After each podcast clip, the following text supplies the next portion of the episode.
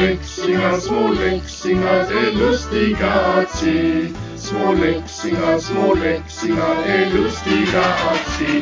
För åker tåg, för åker tåg, ja åker Hej, hej, kom och sjung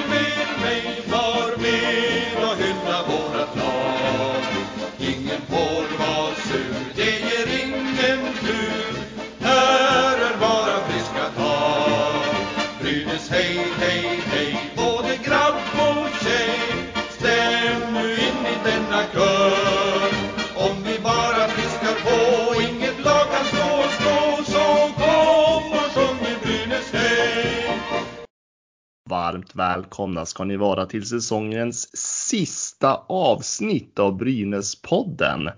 Det är ju sommar nu och årsmötet har varit och eh, det är väl dags att vi rundar av, eller hur Fredrik? Ja, det har väl kommit dit. Lite sommarlov ska vi också få ha. Ja, men jag tycker det. Det är dags för det nu va? Men inte än. Vi ska väl ha kanske, ja vad kan det bli? Blir det en timme till tror du? Jag tror nog det blir lite mer än en timme till och med. Ja, det vad ska- här hände väldigt mycket igår. Ja, det hände för oss. Ja, förrgår för... Eh, det hände väldigt mycket på årsmötet kan man också säga. ja.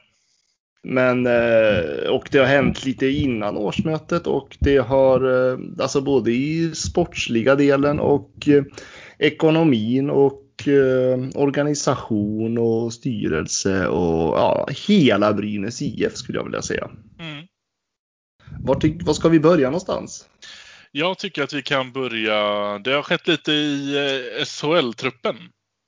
Man har gjort en förlängning, eller ska man säga att det är en förlängning? Vi har ju Ola Palve på ett år till. Vad, vad, vad klassificerar vi det som? Ja, han är utlånad och vart, är ju nu påskriven kontrakterad i Brynäs IF i alla fall. Ja, Eh, och eh, kändes ju väldigt väntat. ja, det, eller, ja, man hoppades i alla fall jättemycket och så väldigt skönt att det kom. Mm. Nej, men jag tror att Ola Palve, får han fortsätta utvecklas i den roll som han hade nu på slutet. Eh, Jag menar, alla kommer väl komma ihåg hans mål där i kvalet såklart. Mm. Men eh, jag tänker överlag för att det är ju en, det är en spelare som ger energi på isen och jag tror att man får väldigt mycket energi av honom och ha honom i laget. Ja. Eh, också en spelare som vi vet kan producera framåt och kan han få med från start eh, med lite nytt ledarskap, kanske lite ny energi i gruppen överlag. Jättespännande. Ja. ja, verkligen kul att få se hur hans eventuella femma kommer te sig över hela säsongen. För vi har ju inte sett honom speciellt mycket eh, jämförelsevis med, en hel, med ett helt år. Då. Så det ska bli skitkul att se eh, hur, hur det går under, upp och ner under hela säsongen och om han faktiskt lyckas pika igen då att leverera som bäst när det kommer till slutet av säsongen. Ja, men jag hoppas det för att han var ju ändå rätt. Eh, han var ju ändå rätt hyllad när han kom till Linköping där i början. Eh, Ja. Det gick inte alls bra för honom där och fick väl en helt annan roll i Brynäs på något vis och gjorde det väldigt bra. Så det, det, det, jag tror att det finns mer av Palme än vad vi har sett. Ja, det faktiskt. tror jag också. Och det är därför jag tänker också med eh, det här ny, ny, nytt ledarskap då, som kommer finnas i Brynäs IF nu framöver så tror jag att eh, det kommer vara jättebra för Palme. Vi- ja, Brynäs kommer ta nytta av honom. Jag är ganska säker på det. Ja, men det kändes som en kul grej. Ehm, var du lika exalterad när det kom fram att vi även har signerat till Julius Bergman på två år? Eh, nej, jag kan inte säga att jag hoppade av glädje. Eh, jag kan säga att det var mer liksom ett, eh, ja, bara en, jaha, okej. Mm. Eh, lite den känslan snarare. Vad var din upplevelse? Nej, jag kände samma. eh, Jag kände igen honom från Frölunda. Han har ju spelat ett år i Frölunda. Jag vet inte ens hur jag minns hans namn från den tiden, men det gjorde jag. Eh, och kände väl kanske lite att vet inte hur, eh, vet inte vilken roll han ska passa in som att ta. Han verkar inte superoffensiv. Och defensiva backar har vi väl. Så jag vet inte riktigt vad... eh, Ja, ja, okej. Det är en back. Vi får Mm. se vad som händer med honom. ja, ja, ja, men, ja, men lite så är det faktiskt. Jag hade väl önskat att man, hade, att man kanske satsade lite mer på mer offensiva kvaliteter i backsidan. Mm. det var ju ett av de stora problemen vi hade den gångna säsongen. Ja, jag, är, jag är lite förvånad att man värvar honom. Samtidigt så är det ju allt som alltid när det blir så här silly season. Man vill ju liksom inte heller döma ut en spelare innan han har fått chansen heller. Nej. Men eh, utifrån den historik han har och utifrån hur spelartruppen ser ut just nu så är det väl kanske inte den viktigaste positionen vi behöver om man säger så. Eh, Nej. sen tycker jag absolut att han får ju, visa, han får ju bevisa också eh, vad han kan bidra till det här laget. Ja, precis. Senast han har spelat i Sverige i Frölunda då blev det då sex assistpoäng på 42 matcher. Så jag tror att vi kan vara rätt tydliga med att han inte är värvad för sin offensiva spets. Nej, han har, han har ju aldrig varit en poängspelare Nej. om man tittar histo- historiskt. Så att, eh, med några poäng per säsong gör han ändå, men hans eh, absoluta vikt och tyngd ligger ju i defensiva spelet. Ja, nej som sagt, vi ska inte döma ut honom. Men eh, det ska bli spännande att se vad för roll han, eller funktion han ska fylla. Skellefteå-försvar, Jakob Silfverberg. Men vilket mål han gör! Vilket mål han gör, Jakob Silfverberg! Nu har han gjort flest mål i en SM-finalserie i ett SM-slutspel genom tiderna. Men vilket mål han gör! Sen har vi ju lite nyheter ändå på damsidan. Det är ju framförallt ledarskapet jag tänker på då. Och eh, som bekant så är ju Henrik Glas eh, som fortsätter som huvudtränare tillsammans med assisterande tränare Filip Eriksson eller Lill-Palle som jag vill kalla honom för. Eh, Men där verkar det också som att de får förstärkning av Andreas Östlund. Mm.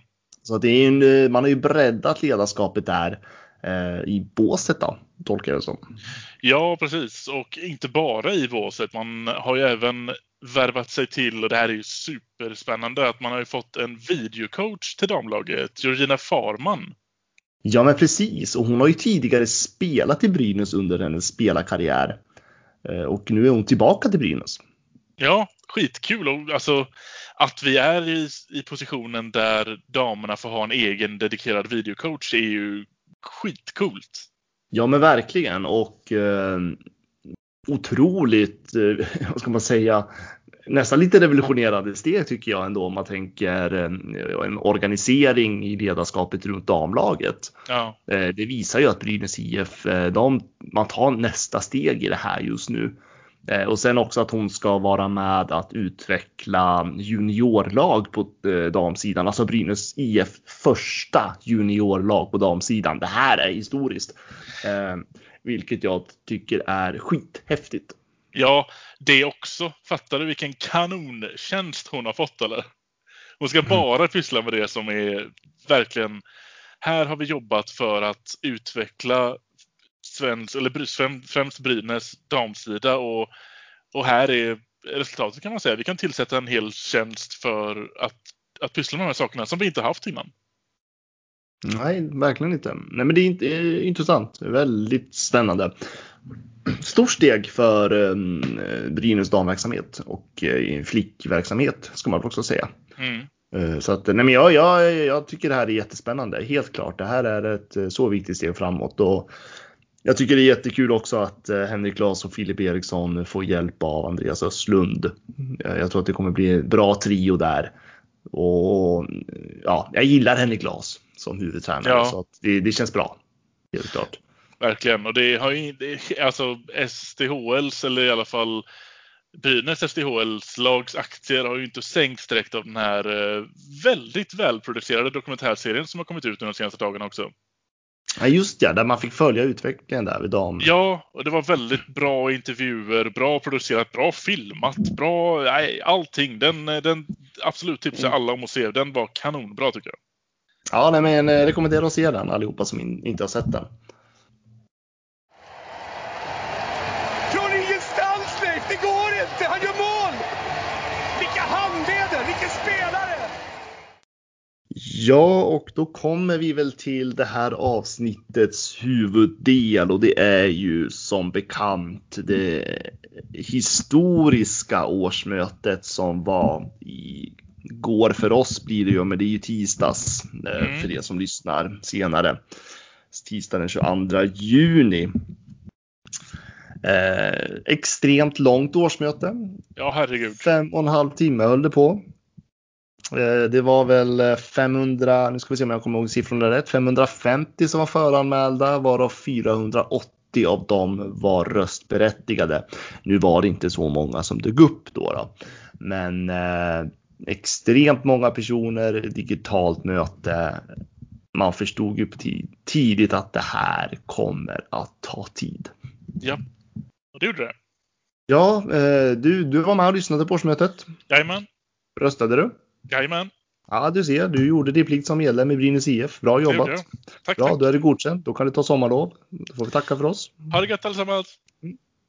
Nej då. Eh, Men vad tyckte du om eh, spontana tankar kring hela årsmötet? Först så vill jag nog säga att jag får skämmas lite. Vet du vad heter ordförande på årsmötet? Ja, det vet jag. Det är den eh, legendariske Anders Frank som har hållit i klubban sedan 2008. Just det. Det, det är en eh, lugn och bestämd man som jag tycker någonstans står för lite kontinuitet i Brynäs IF. Ja, Eh, ja, men jag, jag gillar honom. Fan, det, det är liksom. ja det är men det var det jag ville inleda med nästan. Ja. Han, vilken jäkla... Jag gillar honom. Han är... Ja, Det är ordning och reda och det är handen på klubban och det är liksom stenkoll på stadgar och det. Hade vi inte haft honom som ordförande så hade vi inte blivit klara på fem och en halv timme. Eh, nej. nej, men han jag gillar, jag gillar honom. Eh, det, eh, men han är ju så, han har ju hållit på så länge liksom. Det är ju sedan två- ja, 2008 liksom. Så det är en erfaren um, mötesordförande säger man väl. Ja. All eloge till honom som höll i det här mötet. För det kan inte ha varit enkelt att hålla ett digitalt möte och alla ska komma till tals. Och vissa drog ju längre utlägg än andra. Så Ja, var det ju. Så var det. Och eh, sen var det lite tekniska problem och det händer. Det har vi lärt oss under coronatiden, alla som har haft möten digitalt, att eh, det är alltid något som strular. Eh, Men, nej, men överlag så tycker väl jag ändå att det var ett bra möte. Ja, det tycker jag. Jag håller med alla som ändå vill inflika det på sista punkten där när det var övriga frågor. Så var det ju inte så många övriga frågor utan då var det mest att alla var rätt nöjda över att visst, det tog lång tid och det var mycket som hände och mycket information att processa nu, men väl utfört. Ja, men precis. Och eh, jag tror att många också kände att det var nog med frågor när klockan var halv tolv. Ehm, Ja, det tyckte Något. jag att man borde kunna ha känt vid typ tio tiden, men nej.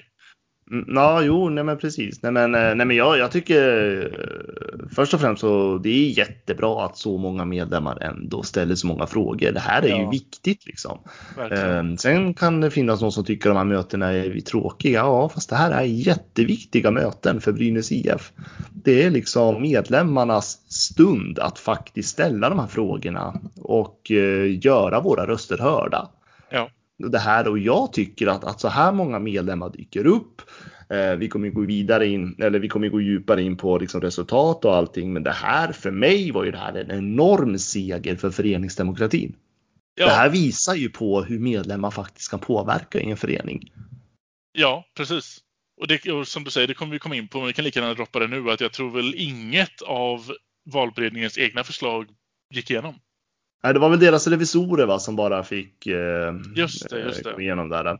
Men nej, det var varken, eh, ingen av deras förslag eh, fick ju, gå- gick igenom. Det, de vart ju totalt nedröstade och eh, ställde ju därför sina egna platser till förfogande med detsamma, vilket man förstår. Det är ju... Valberedningen i alla fall, ja. Ja, men det var ju det jag menade. Mm. Eh, Jag pratar ju om valberedningen utifrån att eh, man kan inte sitta kvar som valberedningen om alla sina kandidater blir nedröstade. Det funkar ju inte. Men eh, om vi ska försöka få lite ordning på det här, för det var ju otroligt långt möte. Ja, Eh, och eh, eftersom, att det, eftersom att det bara var strax över 400 som var med, om jag vill minnas, miss, minnas rätt, så var ju en klar majoritet av våra lyssnare absolut inte med på årsmötet. Eh, Så kan vi ju säga. Och eh, jag vet inte om det här har lagts upp än. För det års, eller om det kommer läggas upp i efterhand och se.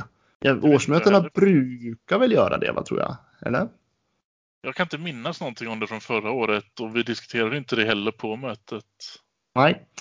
Uh, ah, strunt samma. Nej, men jag, jag tänkte, alltså, det fanns ju flera saker som jag reagerar på i det här, på det här årsmötet. Eh, dels så, eh, Alltså jag, jag, vill inte, jag vill inte här så här nu i efterhand, för på någonstans så känner jag att vi behöver gå samman allihopa nu, men vi kommer in på det senare. Men sättet som den tidigare styrelsen försökte försvara sig mot medlemmarnas frågor, alltså det, det, det var nog det värsta jag har sett. Ja, det har jag som en punkt uppskriven här. Jag har skrivit att hur kan styrelsen ge oss den bästa genomgången och sitt perspektiv på allting när det är för sent? Mm. Ja, alltså på mötet, jag hade redan bestämt mig. Majoriteten av oss hade redan bestämt oss vad vi ska rösta på. Det räcker inte, det hjälper inte att ni ger ett försvarstal där och då. Det skulle kommit för flera månader sedan. Men det var ett långt tal. Jag tycker ändå i sig, i sakfråga, sure, det var en bra förklaring. Men det duger Mm. inte. Nej, precis. Jag reagerade ju starkt där, eh, skulle jag väl ändå säga, på det där att eh, jag reagerade på, jag skrev faktiskt ner det, jag satt och antecknade under årsmötet faktiskt. Ja, jag med. Eh, Tills det vart över två timmar, för då insåg jag att det här blir långt. Men, eh, nej, men det jag reagerade var ju liksom det här att de förklarade att under det här eh, året som har varit att man har satsat mycket på att ta hänsyn till sporten. När man har gjort allt för att ge rätta förutsättningarna till sina elitverksamheter och då trycker man ju framförallt SHL-laget och så vidare. Det är ju ren lögn. Ja, det är det. För någonstans blir det så här, okej, ja, alltså att hänsyn till sporten, gjort allt för att ge rätt förutsättningar till sitt SHL-lag. Okej, ja, men spelarna la- larmade redan tidigt i höstas om att ledarskapet inte fungerade. Man gjorde ingenting. Vi står, vi går in i juni månad. Vi kommer in på det, för nu är det ju någon sportchef som är vald, då, men i juni månad har vi stått utan sportchef. Är det att ge sporten rätt förutsättningar? För vi, vi vet att man tog frågan upp till styrelsen gällande sportchefen redan till höstas eller ja, tidig vinter åtminstone. Ja, november någonstans där väl? Ja, november någonstans. Och man tog inte tag i den frågan. Så att för mig var det så här, för mig var det att det var två styrelseledamöter som stod och ljög framför sina medlemmar. Mm. Nu är jag väldigt hård, men jag tycker att säger man att man har gjort allt för att ge rätt förutsättningar till sina lag, då stämmer det. det, för mig var det nej. Ja, men, nej, men jag tycker vi ska, vi ska kunna få vara så hårda och då tänker jag antingen så har de ljugit för oss rätt upp och ner eller så tror Mm. de att de har gjort allting de kan. Mm. Och sen, sen ska jag väl säga, jag vet inte, för det var ju Ulrika Spårs och Joakim Karlsson som berättade det här. Mm. Eh, jag vet inte hur mycket de två har varit i det här, för det har ju varit en större styrelse tidigare. Det har Ja, varit sju, det har, totalt är det ju sju personer som har suttit det här året. Eh, Men en av dem var ju Per-Johan Johansson som hade sporten som eh, ansvarsområde och han var ju ändå med på mötet och fick försvara sig i vissa sportsliga frågor. ja. Eh, Så att, men alltså jag, jag, jag, alltså jag, det, jag klankar inte ner på Ulrika Spås och Joakim Karlsson, just dem, för att jag kan inte säga att det var de som gjorde fel. För det var sju personer i styrelsen förra året, eller hela den här säsongen. Men att de säger det i sin berättelse, det störde mig lite grann. Jag, jag kan ta den eh, fanan i så fall. Jag kan klanka ner på dem. För att jag tycker att de har, det upplägget de har och därefter svaren vi fick var väldigt mycket att de delade upp kommunikationen mellan sig. De här tar hand om den här delen. Så den har jag inte varit med om och vet, kan inte besvara, kan inte riktigt eh, besvara det. När en styrelse och utifrån allt som har hänt så förväntar jag mig att är det ett beslut som kommer ut från styrelsen så ska du stå för den. Och Mm. berätta för mig varför det har gått till så här.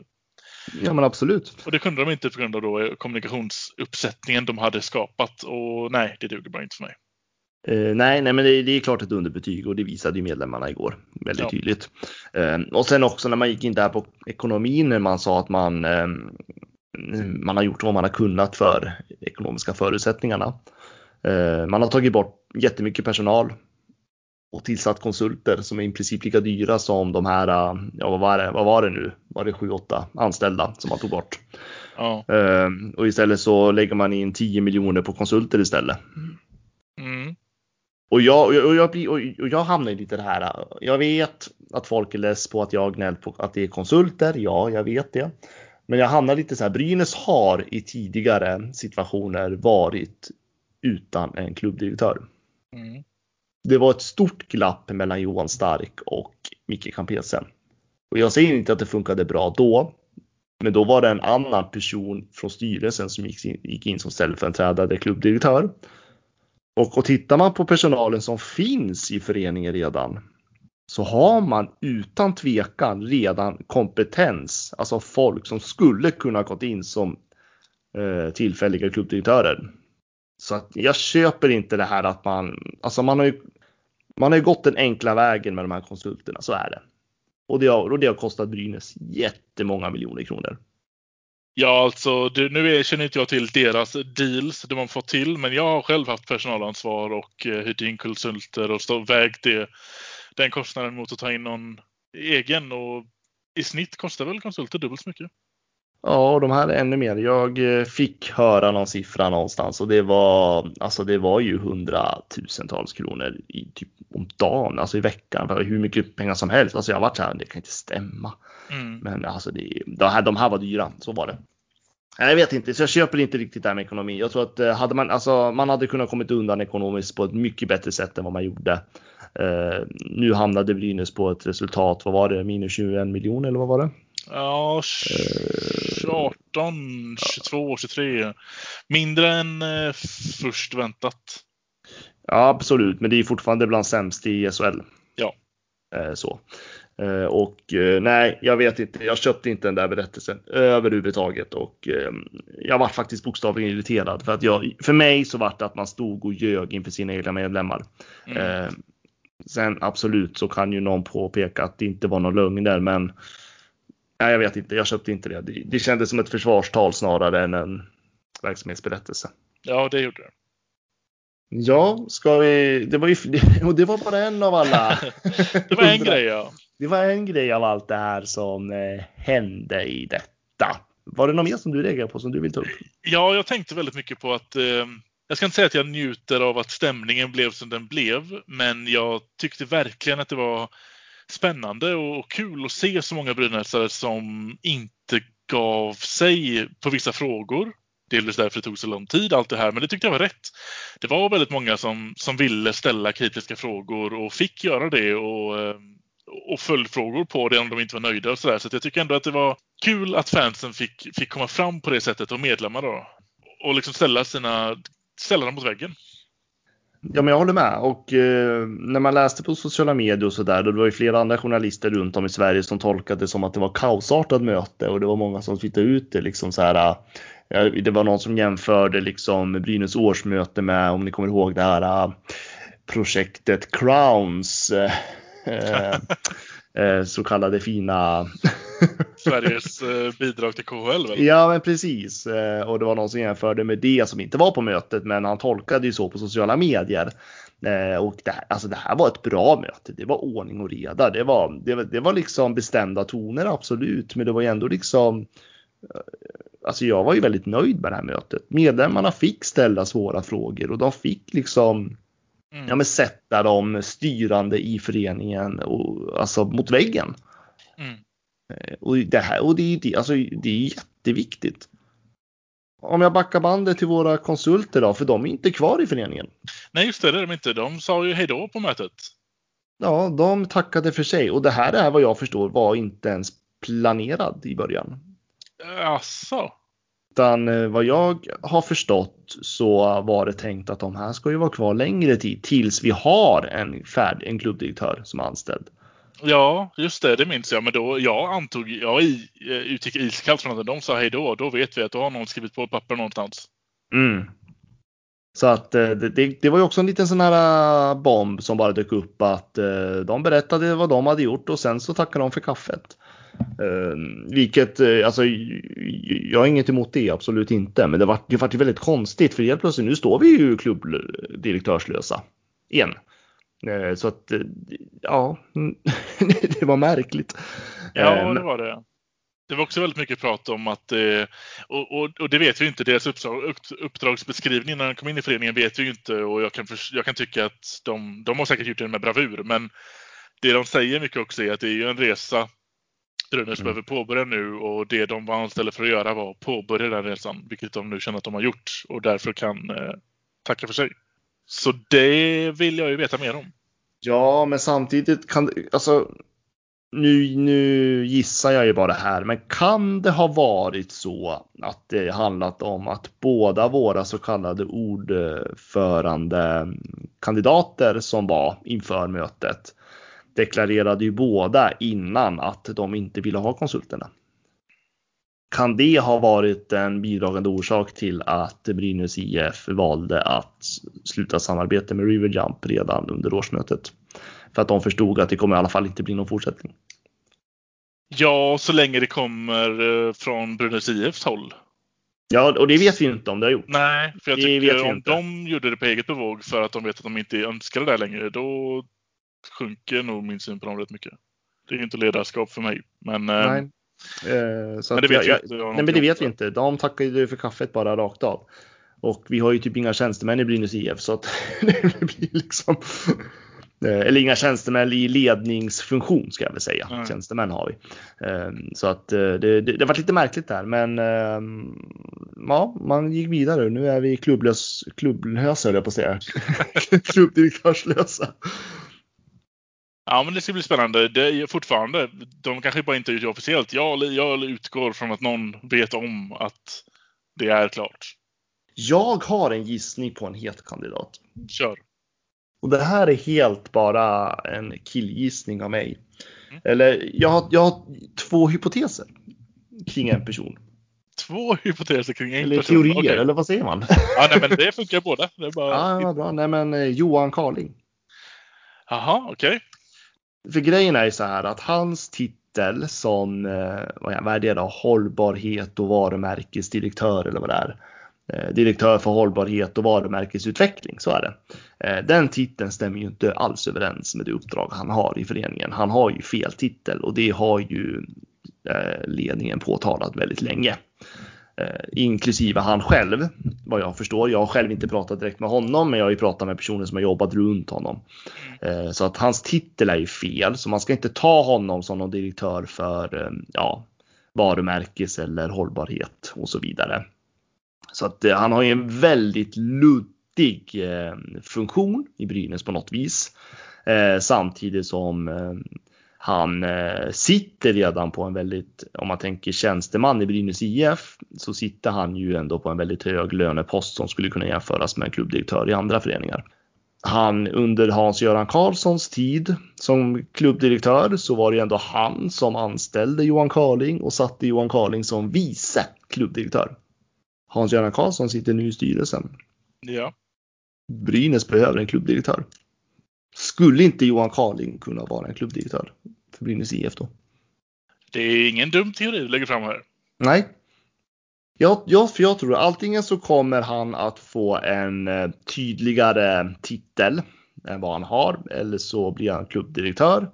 Eh, I värsta fall så kanske han inte ens blir kvar i föreningen, det vet jag inte. Hans roll har ju varit lite ty- otydlig på sistone och Ja. vi har inte hört så mycket av honom längre. Nu är han ju pappaledig så det, är- det är ju förklarligt, men eh, tidigare. Ja, allt, men samtidigt den rollen, även om den är, o- den är luddig så märker man väl inte av en varumärkesdirektör som fan. Men han är ingen varumärkesdirektör. Ja, vad är det han har gjort då? Jag, jag, jag blir lite fundersam jag också, men han jobbar ju väldigt mycket med, eh, eller tidigare var det ju mycket med Unicef och en bra start och såklart eh, kontakt med sponsorer och så vidare och någon form av där är det ju fortfarande eh, kring det här med kommersiella inslaget Mm. och eh, för, vad jag har fattat det så har han väl genom åren sagt till så att det har kommit in väldigt mycket pengar i Brynäs IF av alltså utifrån de här marknadsmodellen då som Brynäs Mm. har. Sen vad han har gjort de senaste åren har jag faktiskt väldigt dålig koll på för att um, jag hade jättetät tät kontakt med honom hans första år i Brynäs. Men i samband med att han eh, minskade antal intervjuer i media eh, så eh, tappade jag lite kontakt med honom också. Så att jag vet faktiskt inte riktigt. Jag har faktiskt väldigt dålig koll på vad Johan Carling har. Mm. Eh, vad han exakt gör. För och- det du beskrev tidigare där låter ju visserligen fortfarande varumärkesrelaterat. Ja, ja, ja, men det är det ju säkert.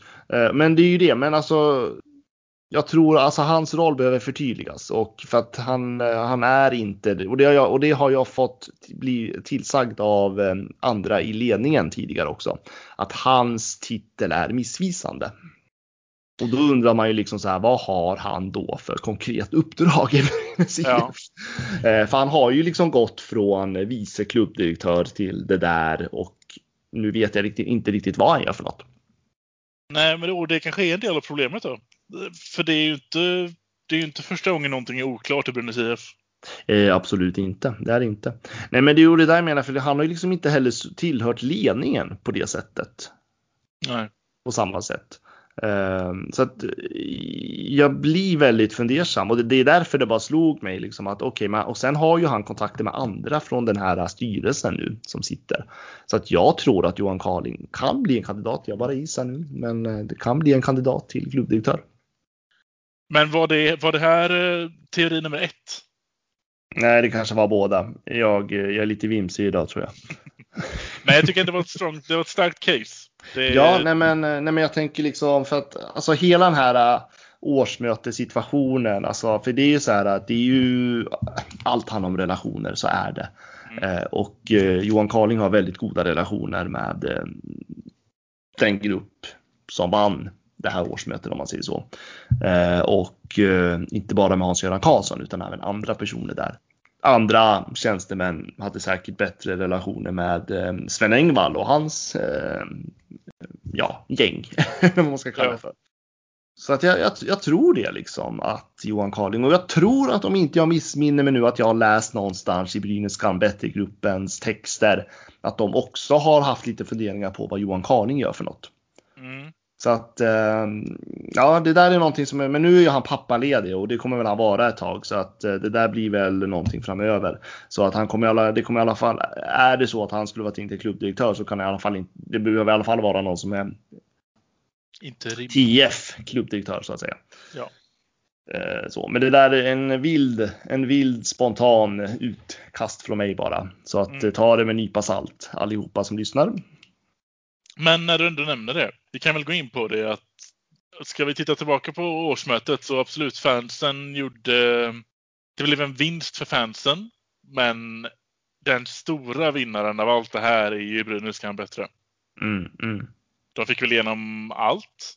Ja, men det fick de väl. De fick väl till och med igenom sina förslag på valberedning, va? Ja. Ja, men det var ju Paul Eriksson och han har väl tidigare suttit i valberedningen själv tror jag. Om inte jag är helt ute och cyklar nu. Ja, det här känner jag igen. Ja, och eh, som nominerade alla Brynäs gruppen och det var ju han som la fram eh, nomineringarna under årsmötets gång också. Och nej, men i och med att eh, valberedningen ställde sina platser till förfogande så var det ju bara liksom, hade vi bara dem som kandidater. Ja. Och då blir det ju dem, det är ju ganska tydligt då. Och eh, så att det, är ju en, det är ju en stark eh, falang, eller en, gud vi ska inte använda ordet falang. Det är en stark grupp som nu har eh, tagit över Brynäs IF skulle jag vilja säga. Ja. Och, eh, och då kan ju någon, då kan ju någon tycka så här, jaha nu är det ju någon till grupp då som bara ska styra och ställa och kompisgäng och så hit och dit. Ja, förvisso är det väl så, men Ture Wickberg hade också sitt kompisgäng som styrde och ställde. Det är ju ofta så det funkar, man väljer sitt lag. Mm. Och eh, jag tror nog att eh, Magnus Kangas och kompani, vi får ge dem tid och visa nu vad de kan göra för något. Mm. Eh, och den, största, den första huvudverken blir ju vår nya sportchef. Ja, som ju blev officiellt mitt under en diskussion. Ja, mitt under en brinnande årsmöte så blir det officiellt att Johan Alsen går in som sportchef för Brynäs. Eh, kontrakterad fyra år. Mm. Och han är ju inte sportchef på 100 procent heller. Nej. Utan eh, han ska ju också ha andra delar kring sportens utvecklingsområde. Vilket man tolkar det som att det är tänkt att det ska vara någon form av general manager över honom då. då. Men bara det att man eh, Alltså inget ont om Johan Alsen. Jag gillar alltså all, det, det, går ju inte att inte gilla honom, herregud. Men eh, helt ny i rollen. Jag vet inte om han hade hoppats på att det ska bli någon ny Abbott det. prestation av det eller hur, hur man tänker kring det. Men helt ny i rollen som sportchef. Aldrig gjort det förut, absolut. En eh, duktig, duktig hockeyspelare på eh, fjärde formation som han alltid har varit. Och eh, omtyckt av väldigt många. Eh, kan säkert människor väldigt bra. Han är ju en social kille. Mm. Men att man vågar sätta honom på fyra år. Ja. Det är som upplagt för ännu en lön att betala av på en position, position vi har ersatt. Ja, men det är det. Och, och man gör det när, när man inte ens, alltså innan ett årsmöte, mitt i ett årsmöte. Mm. Och så vinner nu en ordförande som har, kriti, alltså som har kritiskt reflekterat över om Alsen verkligen är rätt person. Mm. Eh, Det här sätter ju Magnus Kangas och Johan Alsen i en jättejobbig situation och det är inte någon av deras fel. Nej, nej det är det inte. Jag tycker mest synd om Johan Alsen. För det här är inte vad Brynäs kan bättre-gruppen hade tänkt hur den sportsliga organisationen ska se ut. Utan man, det, det känns ju nästan som att den tidigare styrelsen har agerat med någon tanke att de skulle vinna årsmötet. Ja. Sen vet ju inte vi om Johan Alsen kommer göra ett bra jobb eller inte. Det vet vi inte. Nej, såklart inte. Och, och, det, Eh. och det, kan man inte, det kan man inte säga något om. Så är det ju. Men har han kontaktnätet? Har han det här som behövs? Kan, kan han förhandla? Kan han... Ja, men exakt. Det var lite det. Det är ehm, liksom, eh, jag vet inte. Och det är därför jag blir så här, det måste ju finnas någon general manager över honom. Och sen var det någon som sa, ja men han kommer bli skolad av eh, Boumedienne. Ja fast Boumedienne ryker snart. Ja, han ska över Atlanten igen. Ja, han är inte kvar många veckor till eller. Nej, nej, det där håller inte. Sen kommer att han ska vara något litet, inte vet jag om han ska vara något litet bollplank över Atlanten, men inte kommer det bli liksom kontinuitet. Nej, nej, nej. Nej, nej. Att han är tillgänglig på telefon någon kon- konstig tidszon, det spelar ingen roll. Nej. Det är jag också. Eh, sen absolut, han kan bli, säkert bli skolad av Andreas Takell och de där också. Eh, absolut, men eh, jag vet inte. Jag tycker det var en jättemärklig situation. Mm. Vet inte vad man ska... Jag, spontant känner jag att det här blev ju fel. Mm. Men lite så som du säger kring, eh, som då, alltså kring Julius Bergman till exempel. Vi ska inte döma ut någon för han har inte fått göra sitt jobb ännu. Men jag är försiktigt skeptisk till den här lösningen. Mm. Eh, och jag, tolk, jag har tolkat, alltså jag vet inte, det har ju varit lite eh, intervjuer med Magnus Kangas kring det här och jag har ju tolkat det som att man kommer ha en dialog med Johan Alsen nu hur, eh, hur man ska rent krasst lösa det här. Mm. och hur, så det ska bli så bra som möjligt. Eh, alltså det, det här, alltså jag, jag tycker det är jä- riktigt lågt gjort av den tidigare styrelsen. Så här gör man inte. Det här ger inte Brynäs bästa förutsättningarna framåt. Nej. Innan ett årsmöte. Man gör inte så här. Nej, jag håller helt med. Det är den nya styrelsen som ska tillsätta den nya klubbdirektören. Alltså det, för det, är liksom, det viktigaste nu det är att tillsätta rätt personer som jobbar operativt. De personerna som jobbar operativt måste vara lika mycket lag som styrelsen är. Mm. Och ett lager på detta är hur länge har vi inte väntat på att få veta någonting om en sportchef? Jättegammalt arbete. Ja, men vi, alltså, vi, vi, skulle, ha, vi, skulle haft, vi skulle haft klart en sportchef i typ april Ja. senast. Februari helst. Precis, och nu Eh. samma kväll som vi väljer de nya så dumpas de med ny. Nej, det här det är fult. Ja, det, det är jättemärkligt. För, och så blir det ju någonstans här, ja men Johan Alsen har väl inte varit delaktig i de här värvningarna som har varit, eller? Har han det? Ingen som vet. Nej. Så att vi har ju dels har vi lagbygge, alltså lagbygge från, för det är ju så här det blir när man har, får en sportchef nu och inte i, innan säsongen är slut, vilket vi skulle ha haft. Eh, För nu blir det tredje kock i soppan. Först har vi alla som har värvats tidigare som fortfarande har kontrakt, vilket är ju del av lagbygget, för det är de spelare vi har. Sen har ju då vad jag förstår, alltså jag antar att Sundlöv var med när man förlängde med eh, Sallinen till exempel. Någon annan var ju med när man förlängde med Sallinen. För att borde det var, ju klart, det var ju klart långt innan säsongen var slut att man skulle förlänga med honom. Mm. Eh, nu tar jag bara det som ett exempel. Och sen ska Josef Omedjen, nästa man, sätta sin lilla prägel. Hitta tränare. Så kanske vara delaktig i Den nya backen som vi har fått nu. Ja. Ska vi då ha en tredje och fjärde kock i det här lagbygget nu då? Nej, jag vet inte. Jag, jag, det är hela sportchefsfrågan. Den är så dålig skött från början, men nu är det som det är. Men eh, jag tycker att jag tycker synd om Johan Alsen. Att han har Ja. hamnat i det här. Alltså han har ju hamnat mitt emellan det här på något vis och jag hoppas att han och eh, Magnus Kangas kan komma fram till en lösning. Och så tycker någon säkert, ja men styrelsen ska inte jobba operativt, varför lägger de sig i? Nej, för att vi har ingen annan som kan jobba operativt, för vi har ingen klubbdirektör just nu. Nej. Då måste styrelsen gå in. Ja, verkligen fokus på det du säger är att jag hoppas att Kangas och Alsen kan hitta en bra lösning för båda. För det är lite som att Alsen har blivit fast i någon, eh, i någon skilsmässa och han står i mitten. Och ja, nu blev det så här. Det kan ju mycket möjligt bli så att han, han kommer få fortsätta som sportchef och det behöver inte vara dåligt, det är inte det jag säger. Nej. Men eh, jag tycker bara att det, det blir jättemärkliga förutsättningar för att eh, för den nya styrelsen att eh, sätta sin prägel. Ja, både det och det är väl ingen lögn heller att styrelsen och sportchefen ska väl självklart komma bra överens. Och om Kangas redan har varit ute på att han inte tycker Alsen passar för den här tjänsten så det är sämsta möjliga start. Ja, men Brynäs behöver ju hitta en, alltså, vi behöver ju hitta någonting som fungerar i den sportsliga organisationen. Och då behöver ju styrelsen, styrelsen måste ju ha förmåga att ge de bästa förutsättningarna för att det ska hända.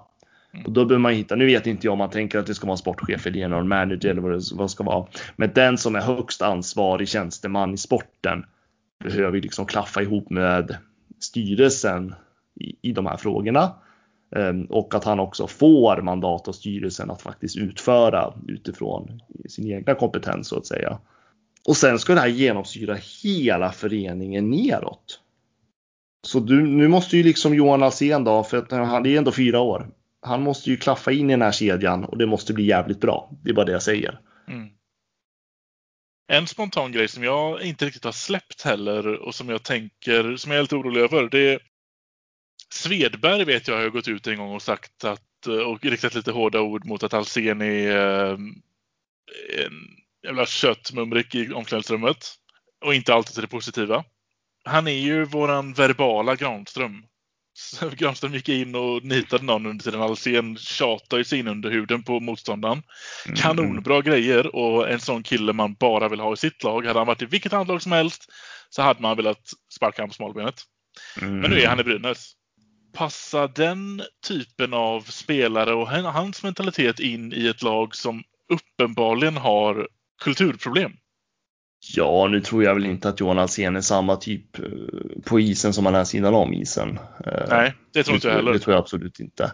Eh, och han verkar ju ändå vara rätt omtyckt i föreningen. I alla fall vad jag har hört. Så att, eh, Jag tror inte att det, det, det tror inte jag blir problemet. Mm. Nej, jag hoppas inte det. Men jag, Nej, jag alltså, tänker att det, kulturproblemet i Brynäs är ju mer djuprotat än så liksom. Det, det handlar ju han det skulle ändra på det nu. Ja, nej, fast inte, det är inte Johan Alsen som ska ändra på den kulturen. För han är, han är inte sportchef på heltid och, där, och det är det som säger, det måste ju vara någonting mer som ska jobba över sporten. Det är ju det. ja, självklart. Och någon, Ja. någon kommer komplettera honom och han kommer ju få direktiv uppifrån vad han ska utföra.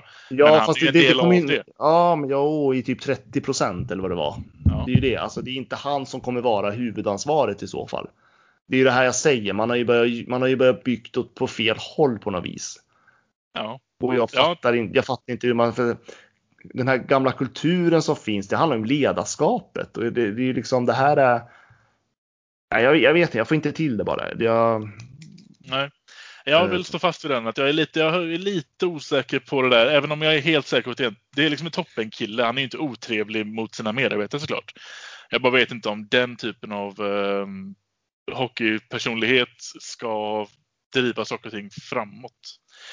Vi får se. nej, jag, jag tror inte att det påverkar alls kring kulturen, ska jag säga, om jag ska vara helt ärlig. Nej. Det är inte första gången vi är oense. Nej. Eh, Men ska vi ta det där med arbetsmiljön ändå? Ja, tycker jag. Han överraskade oss allihopa, och inklusive Joakim Eriksson med det där skottet. Fruktansvärt hårt skott och snabbt anlagt. Kolla, poff!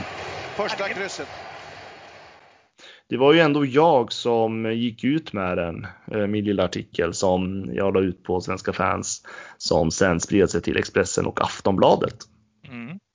Och det här var ju någonting som jag fick höra. Jag, alltså, vi har ju vetat länge att det var dålig arbetsmiljö i Brynäs IF. Det har ju varit välkänt. Det har ju varit rapporter om tystnadskultur och så vidare tidigare år och vi har ju nämnt i den här podden också att det har varit dålig kultur. Men jag fick ju höra saker eh, den här veckan som var mycket värre än vad jag hört tidigare. Och det gjorde ju mig riktigt, riktigt eh, bekymrad och jag som en gång i tiden var gammal skyddsombud också är ju väldigt insatt i de här arbetsmiljöfrågorna. Ja. Eh, och eh, arbetsmiljölagen är ju en sån här lag som jag håller väldigt kärt. Men det är ingen som vill prata om det. Nej. Därför vände jag mig till Unionen för att Unionen är bra på att prata om saker. Mm. För fack, fackförbund är väldigt bra på att prata om det. Ja. Eh, och där fick jag ju höra och, eh, nu, och nu var det ju så här att eh, det är klart som 17 att de inte berättar detaljer för mig. Absolut inte. Men de sa att det är extremt allvarligt i Brynäs IF. En extremt allvarlig situation i Brynäs IF när det kommer till arbetsmiljö. Mycket handlar om ledarskap. Mycket handlar om kommunikation internt. Det är beslut som tas som inte medarbetarna får ta reda på det till exempel. Ja. Det är ett jätteproblem. Och just det här med ledarskap kändes som att det var återkommande och det är därför jag säger att eh, man måste bygga den här organisationen uppifrån och ner nu. Det måste genomsyra hela föreningen. Det måste bli en öppenhet. Det måste bli eh, transparens i klubben. Det måste bli en tillitsbaserad verksamhet. Eh, och det var också en bra grej som kom fram på årsmötet att äntligen så sätter man kommunikationschefen i ledningsgruppen. Ja. Det skulle ha hänt för fem år sedan. De lärde sig det det här året sa de. Ja. För det, är, det har ju liksom varit så i Brynäs. Kommunikationschefen har ju liksom inte kontrollerat kommunikationen utåt. Nej. Nej. Utan man, man blir beordrad av kommunikationschefen har blivit beordrad uppifrån vad Brynäs ska kommunicera ut. Och när det gäller de här strategiska kommunikationsfrågorna kring så här, ja men allt ifrån eh, ja men timing, när ska saker ut och, så, och vad är det som ska sägas och så vidare och så vidare och så vidare. Där ska kommunikationschefen ha full mandat. Absolut. Man ska kunna lita på den kompetensen och det är det jag menar med tillitsbaserad verksamhet. Precis som kommunikationschefen ska kunna lita på att hans eller dens kommunikatörer också klarar av att göra sitt jobb och vet vad de ska göra. Mm. Så det är början till någonting väldigt bra. Det måste jag ändå säga. Det var en bra grej som kom fram på årsmötet ändå. Och det var en bra grej som eh, den tidigare styret, styret faktiskt hade gjort. Det måste jag säga. Ja, det får man ändå ge dem. Så Martin kommer få mer mandat i Brynäs kring sin egen profession så att säga. Det är väldigt bra. Ja, det var en positiv sak. Det verkar ju även som att den sittande styrelsen eh, igår, i tisdags, har ringat in läckan. Uppfattade du också det så? Mm, ja. Nu vet ju inte vi om vi blivit av med läckan eftersom vi röstade bort typ Ja, jag kan säga att vi, vi, har blivit av med en läcka i alla fall. Jaha, det var fler ja. Mm eh, som jag vet var en läcka. Eh, jag tänker inte säga personens namn. Okej, okay, men det är okej. Okay. Det är nyheter för mig då att det har varit fler än en. Kanske man Ja, jag vet inte om det har varit fler än en. Jag vet, jag vet inte om det har varit fler än en. Jag vet bara att vi har den här säsongen, det här året blivit av med en läcka i Brynäs IF i alla fall. Jag, okay. tänker, inte, jag tänker inte säga något mer än så. Eh, nej, det får vi respektera. Men kanonbra vad lång tid det tog. Men bra att, att, att den delen utreds i alla fall. För den har ju satt väldigt mycket käppar i hjulen mm, mm. för styrelsen också. De, mm. Jag tänker på hela Peter Andersson-karusellen. Ja, men det handlar ju om att skapa lojalitet, alltså lojalitet i sin egen arbets, eh, liksom, eh, förening, alltså arbetsorganisation. Eh, och jag tror att man måste någonstans också visa, alltså skapar man tillit så skapar man lojalitet också. Ja, så är det. Jag menar, personalen har ju uppenbart mått väldigt dåligt i Brynäs IF. Man har säkert varit jäkligt frustrerad och arg på sin arbetsgivare. Det kan ha varit sådana grejer som har gjort det här. Det är lätt för oss att sitta bredvid och, och liksom tycker och gnäller och gnäller, men det är faktiskt folk som har sin vardag, sin arbetsplats. 80 procent av livet för 17. Vi har ingen aning varför någon har valt att läckt vissa grejer. Om Nej. det är för att man vill sätta dit sina arbetsgivare för att man är irriterad eller om det bara är så att man eh, inte ens har tänkt på att hur mycket man förstör för föreningen. Ja, okej. Okay. Nej, precis. Det har du rätt i. Sen kan man ha åsikter kring hur, eh, hur, hur man har agerat ändå. Ja, det absolut. Det får man ju ha. Det, det köper jag ju fullt ut. Men ett, ett problem avkryssat då kanske i alla fall. Eh, men, men som du säger, och även det som eh, jag såg att Henrik Claes har varit ute och, och eh, lagt ut på Facebook att man kan, ju, man kan ju släcka bränderna men det kommer ju bara komma en ny brand om man inte hittar grundorsaken. Mm. Eh, och grundorsaken har vi inte hittat. eh, Men vi har släckt branden. Mm. Har han skrivit så? Ja. Ja, jag eh, har eh, pratat med fler tidigare anställda i klubben och anställda i klubben som säger samma sak. Mm. Finns till och med anställda som menar på att eh, båda våra, eh, ja men inför årsmötet, att eh, våra mm, kandidater är inne på fel spår när de pratar om problematiken kring Brynäs. Tyvärr så vet jag inga, inte detaljer vad de menar. Det, det, finns, det, har funnits, alltså det verkar finnas en rädsla kring liksom vad eh, problemet handlar om. ja. Vilket gör problemet ännu svårare att någonsin komma till botten med. Ja, men samtidigt så, alltså vi kanske, inte, vi kanske aldrig får veta det. Frågan är om vi utifrån ens ska veta det alla gånger. Mm. Eh, Det får man väl tycka vad man vill om, men eh, jag har respekt för att vissa grejer faktiskt ska stanna på en arbetsplats, även om man jobbar för en medlemsförening. Eh, Sen de, vikt- alltså när det kommer till frågor som berör föreningen, det är klart att vi medlemmarna ska få veta det. Mm. Eh, Men handlar det om enskilda individer som är tjänstemän, då tycker jag inte att medlemmar ska veta allting. Nej, och det beror nog också lite på vad det är vi pratar om. Ja, kan, och, integritet eh, är viktigt, men Ja, eh, absolut, absolut. Jag menar, det det, finns ett gränser. arbetsgivaransvar i Brynäs IF också na- naturligtvis. Ja. Eh, så.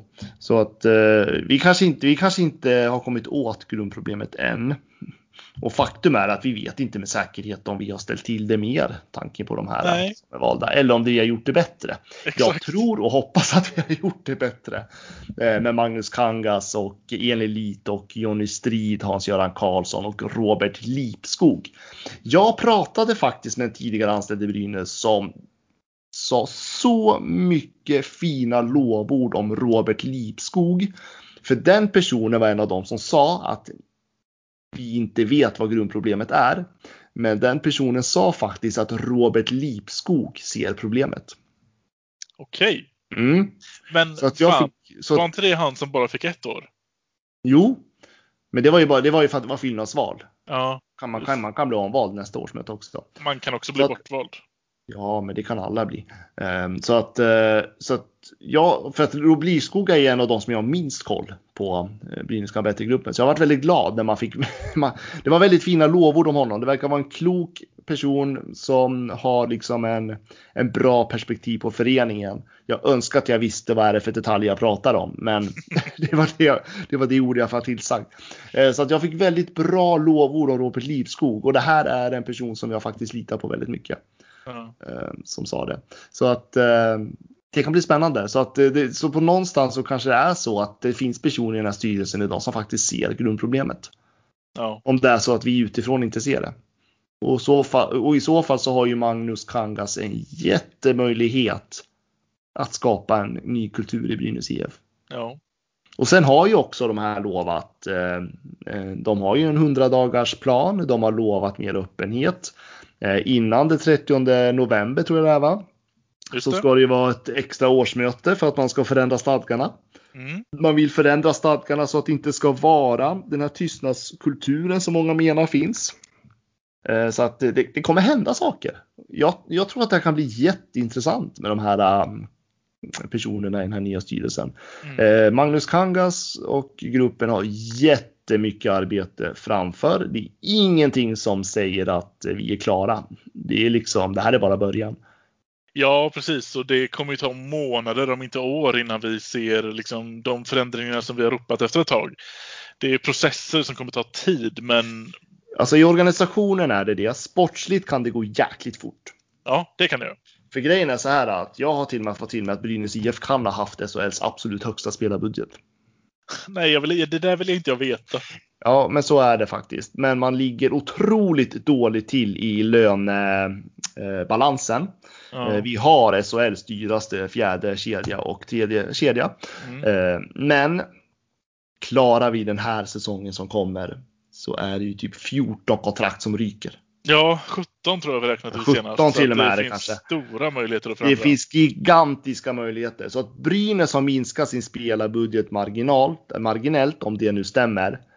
Det ska vad jag har förstått inte göra någonting. Nej. Nej, det har vi varit inne på innan också. Det, För, man, för grejen är så här. Brynäs har inte kunnat sänka sin spelarbudget så jättemycket för att vi har så många kontrakt redan Ja. påskrivna. Eh, Så att man har inte kunnat ens minska sin spelarbudget. Så Brynäs kommer komma in nästa säsong med en väldigt hög eh, spelarbudget jämfört med övriga SHL-konkurrenter. Klarar vi den här kommande säsongen så kan det hända otroligt mycket i sporten. Men det handlar, och då gäller det ju att vi får rätt organisation runt den sporten också. Mm. Och då pratar jag sportchef, general manager, ledarstaben som ser väldigt intressant ut förresten. Så att det, det finns jättemöjligheter. Sen organisationen runt om, den kommer nog ta lite mer tid. Ja, precis. Och det är också lätt att säga att bara en säsong till eller snart kommer det bli bättre. Och om vi bara gör så här så kanske det blir bättre sen. Men, och, och det är det lätt att säga, men hur många gånger i en förenings livstid har man 17 spelare att välja bland? Ja, men det händer ju för sjutton. Det är ju drömläge. Ja, Eh, Jag, och, och vet du vad jag säger på en gång? Fläng inte med en enda spelare. Vi måste, vi måste balansera lönestrukturen i, då måste många spelare sänka sina löner otroligt mycket. Vi måste balansera lönestrukturen i Brynäs Ja. IF så att vi kan värva de här riktiga stjärnorna i högre formationerna och då också ha råd att kanske ta upp fler juniorer som utvecklar sig. För det är just Ja. nu har vi helt fel lönestruktur och, och lönebalans och jag tror till och med San- Sanny Lindström tror jag till och med har varit inne på det här när det gäller Brynäs. ja. Eh, att eh, vi har alldeles för dyra tredje och fjärde formationer. Så att jag skulle bara rensa ut. Vi behöver nytt nu. Vi ska bygga nytt och då behöver vi rätt organisation i sporten. Och det har vi ett år på oss att fixa. Ja. Förutsatt att vi, klar, att vi överlever SHL också.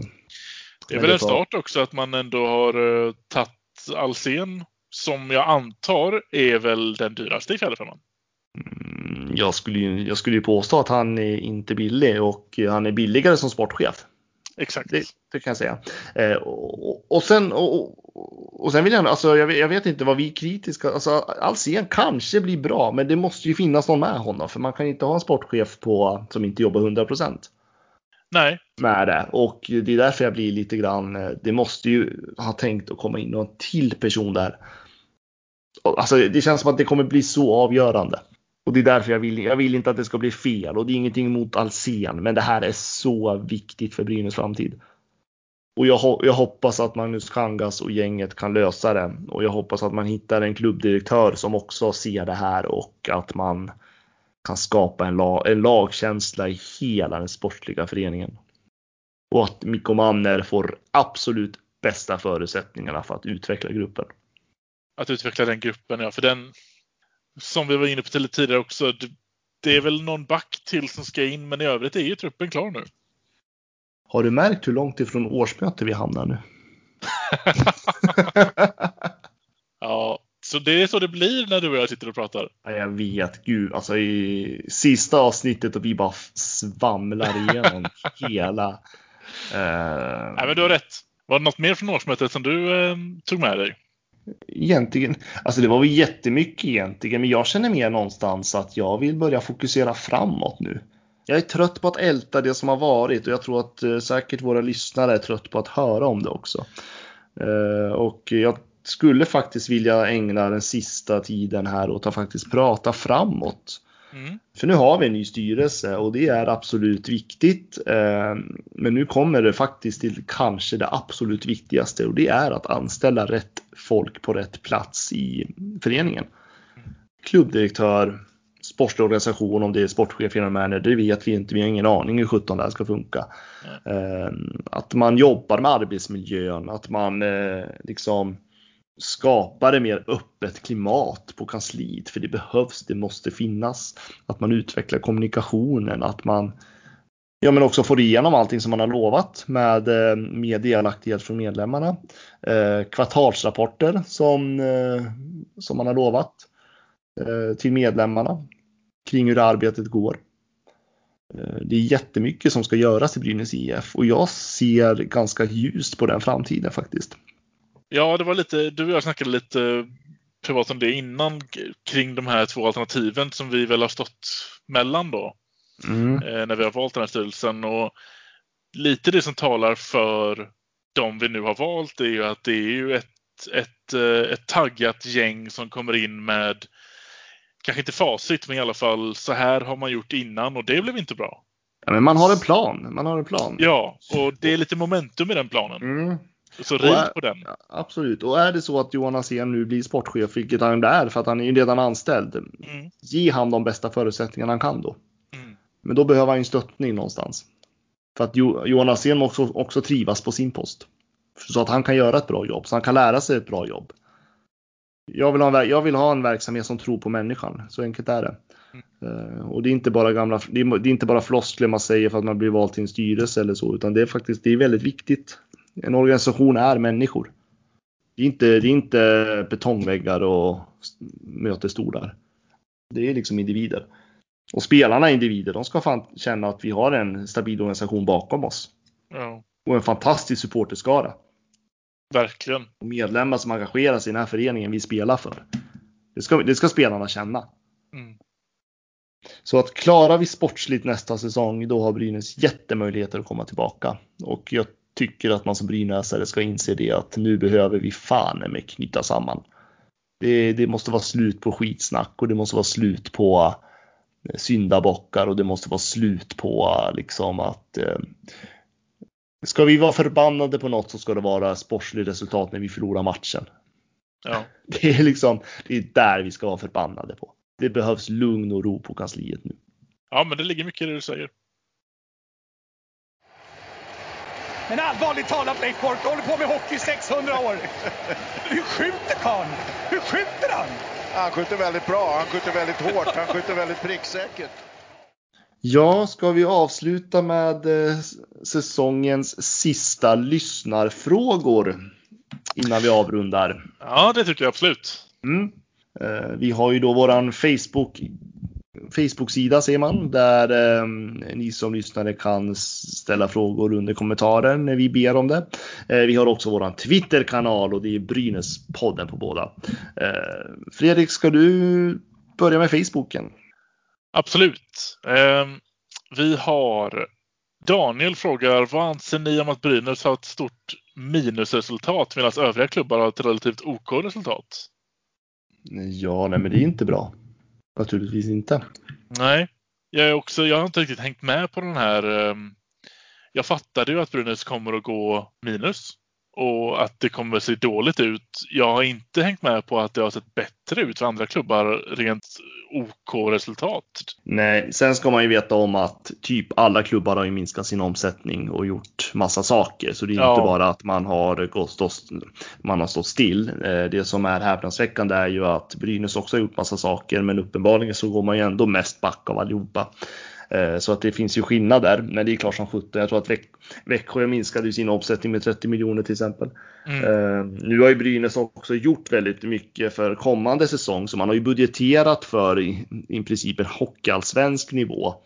Uh, vilket gör att skulle det bli en väldigt lyckad säsong med publik och allting och, och sponsorer är kvar eller ökas och så vidare så verkar det som att Brynäs ändå kan studsa tillbaka väldigt snabbt. Att det finns de möjligheterna. Ja. Så vill jag tolka det i alla fall. Eh, men eh, all, allt, är ju, allt är ju bara gissningar när det gäller sånt där och eh, ja, nej men det är inte bra. Absolut inte. Joakim Hed frågar, hur ser ni på truppen som är just nu och vad tror ni om Palve blir en riktig brynäsare? En riktig brynäsare?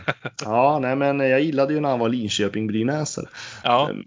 Nej men eh, truppen i sig är jag väldigt, väldigt, ganska orolig för. Eh, jag är mest bekymrad över målvaktsfrågan just nu. Mm. Eh, jag, sa, jag skulle önska en mer offensiv back. Eh, och såklart skulle man ju, forwardsidan är väl, jag vet inte hur mycket vi kan förändra där nu. Nej, ingenting typ. Nej, ingenting. Så att det, det är bekymmersamt. Samtidigt så tror jag att vi har en väldigt bra tränarstab. Man har tänkt utanför boxen. Det är väldigt modigt. Vi får se hur det lyckas. Jo, och Jonas höll på att säga. Ola Palve har vi redan gått igenom vad vi tycker om honom. Men, ja. nej, men jag tror att han kan bli bra. Jag hade önskat att haft honom i ett bättre Brynäs bara. Ja. Uh, men jag håller med. Jag, jag, är orolig för truppen. Jag, dock känner jag ju fortfarande att truppen är vad den är. Den är inte trettonde plats i SHL. Uh, utan där förväntar jag mig att skulle truppen inte nu förändras, vi ska ju få in någon back till och sådär. Men skulle truppen inte drastiskt förändras inför att vi i säsongen startar så, uh, så vill jag ändå se där vi hamnar nästa säsong kommer bero väldigt mycket på ledarstaben. Hur får man mm. ut det bästa av den här truppen som just nu sitter? För i princip hade Peter Andersson samma trupp. Eh, kom 13. Vad kan eh, nya tränaren göra? Jag tror inte ja, att det är... Det är ett helt, annat, det är helt annat ledarskap i alla fall som kommer in nu. Så att, eh, det visar sig. Det är det som kommer vara skillnaden. Liksom. Ja. Det, det ska bli väldigt spännande. Då var det de frågorna vi hade på Facebook. Vad har vi på Twitter? Ja, vi har ju fått en väldigt stor fråga bland annat. Ehm, hur ska den nya styrelsen kunna vända skutan rätt? Och då tänker jag inte bara på sporten utan allt som händer i Brynäs. Nej, men det handlar ju framförallt så handlar det ju om att man måste tillsätta rätt chefer. Eh, man måste, man måste implementera rätt typ av ledarskap. Eh, vi har ju varit inne lite grann på det här. Eh, och jag, jag, tycker man gör rätt i som man gör nu i alla fall att man screenar av och ser hur mår den här föreningen egentligen? Hur mår personalen? Hur mår ekonomin? Hur mår Eh, alla, hur ser organisationen ut? Hur är allt strukturerat och så vidare? Eh, det är en jättesvår fråga exakt hur de ska göra för att eh, de ska ju, det är ju en ledning som de måste tillsätta och mm. den ledningen måste förändra, jobba med, med, att förändra kulturen. Det är ju så det, det, är ju så det blir. Så ja. det, styrelsens ansvar blir liksom att tillsätta nya ledningen och där blir ju en klubbdirektör väldigt viktig. Ja, precis. Det är en väldigt stor fråga och det egentligen det stora svaret där är ju att se till att rätt man på rätt position. Ja, men rent krasst ja. Eh, och sen också att man ger tydliga riktlinjer så att det blir en verksamhet som är väldigt öppen och transparent mot varandra. Där man skapar att en eh, tilltro till sin medarbetare. tänker jag är jätteviktigt. Att man blir ju lojal med varandra och det där har ju liksom det där är ju en arbetsmiljö, mycket arbetsmiljöfrågor också som eh, såklart påver har påverkat organisationen och där kommer ju fortfarande unionen vara med delaktig och man kommer följa upp det och styrelsen har ett ansvar i det också. Mm. Så att eh, ja, stor fråga. Sen har vi ju faktiskt fått det mesta. Hur kommer sportorganisationen se ut? PJ nämnde väl att två var på väg in. Alsen sportchef herr, Erika Gran sportchef dam och en general manager? Frågetecken. Vem? Ja, vi vet inte. Nej, högst oklart. Eh, väldigt oklart, särskilt nu när en ny styrelse som kanske har en helt annan bild på hur sportliga verksamheten ska fungera. Ja, precis. För det PI sa behöver inte stämma längre. Eh, nej, samtidigt så har han ju redan satt lite käppar i hjulet för den här kommande, så det kanske blir lite åt det hållet i alla fall. Mm. Men vi får se. Och det var väl egentligen vad jag ser som vi har. Vi har ju svarat på allt under avsnittets gång också. Eh, så. så då tycker jag att vi kan avrunda. Har vi kommit dit? Till mm. vägs ände? Till vägs ände, precis. eh, nej men jag vill bara säga ett stort tack till dig som har lyssnat på oss den här säsongen. Jag känner själv att vi har gnällt väldigt mycket på sistone, men Brynäs har varit i en väldigt unik situation och det har varit en otroligt tungt sportslig tid för oss brynäsare. Eh, och jag tror att vi alla skulle må bra av lite semester från Brynäs faktiskt. Eh, få njuta av sommaren, få njuta av ledigheten och sen så är vi tillbaka allihopa i augusti med ny energi och ett nytt så kallade jävlar anamma. Well said. Eh, och med det sagt så vill jag också tacka alla våra fantastiska Patreons som har valt att stötta den här podden. Ehm, skapat förutsättningar till oss som vi hoppas eller nästan vet att vi kommer att kunna erbjuda till hösten redan. Mm, ja, absolut. Det kommer ni se skillnad på redan till hösten. Det ska bli skitkul. Det ska bli otroligt roligt. Eh, vi kommer att eh, ja, kritiskt reflektera skulle jag vilja säga över våran insats den här säsongen. Den här podden har ju utvecklats något otroligt den här säsongen. Ja. Eh, långt mer än vad jag hade vågat hoppas på. Och vi har fått, haft otroligt många intressanta gäster, både intervjupersoner med personer som också har gästat podden ett helt avsnitt. Eh, som har lärt mig i alla fall väldigt mycket och eh, jag hoppas att få se många av dem tillbaka och jag tänker också att vi kommer att ha några mer nya personer till nästa säsong. Mm. Eh, Så att det finns idéer på hur vi ska utveckla den här podden och jag vill bara tacka alla som har varit, varit delaktig i och ställt upp på alla intervjuer och gästat oss. Och nej men ett stort, stort tack. Vi har fått så mycket beröm för den här podden och jag vet vi har säkert jättemycket utvecklingspotential.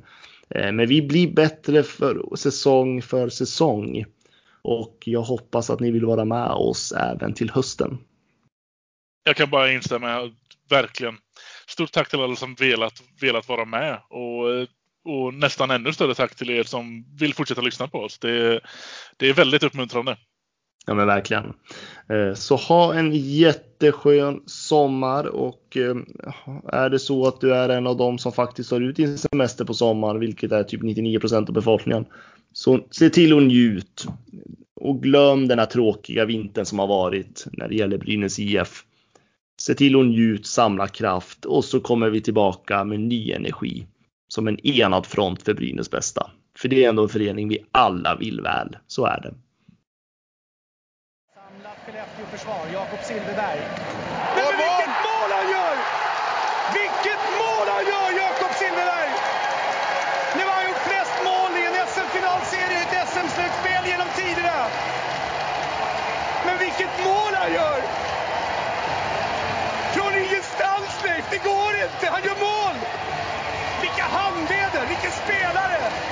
Ja, han överraskade oss allihopa, och inklusive Joakim Eriksson med det där skottet. Fruktansvärt hårt skott och snabbt anlagt. Kolla, poff! Första krysset. Men allvarligt talat Leif Boork, du håller på med hockey i 600 år. Hur skjuter karln? Hur skjuter han? Han skjuter väldigt bra, han skjuter väldigt hårt, han skjuter väldigt pricksäkert. Alltså han gjorde ett väldigt bra byte här före i powerplay. Eh, där han vann några individuella prestationer. Och nu är det precis som att han bestämmer sig för att nej, det här har varit så jäkla dåligt så nu måste jag liksom göra något avgörande själv. Och så kommer det skottet. Han har ju ett av elitseriens absolut bästa och hårdaste och snabbaste skott. Leif, eh, visst var det mål? För de, de ringer Ja, på det ja, nu. ja. Men visst var den ja, ja. inne? Det, det har ju repriserna i någon mening visat. Men de ska ringa för säkerhets skull. Här kommer Sören Persson ut och dömer mål, ja. Då är det bekräftat.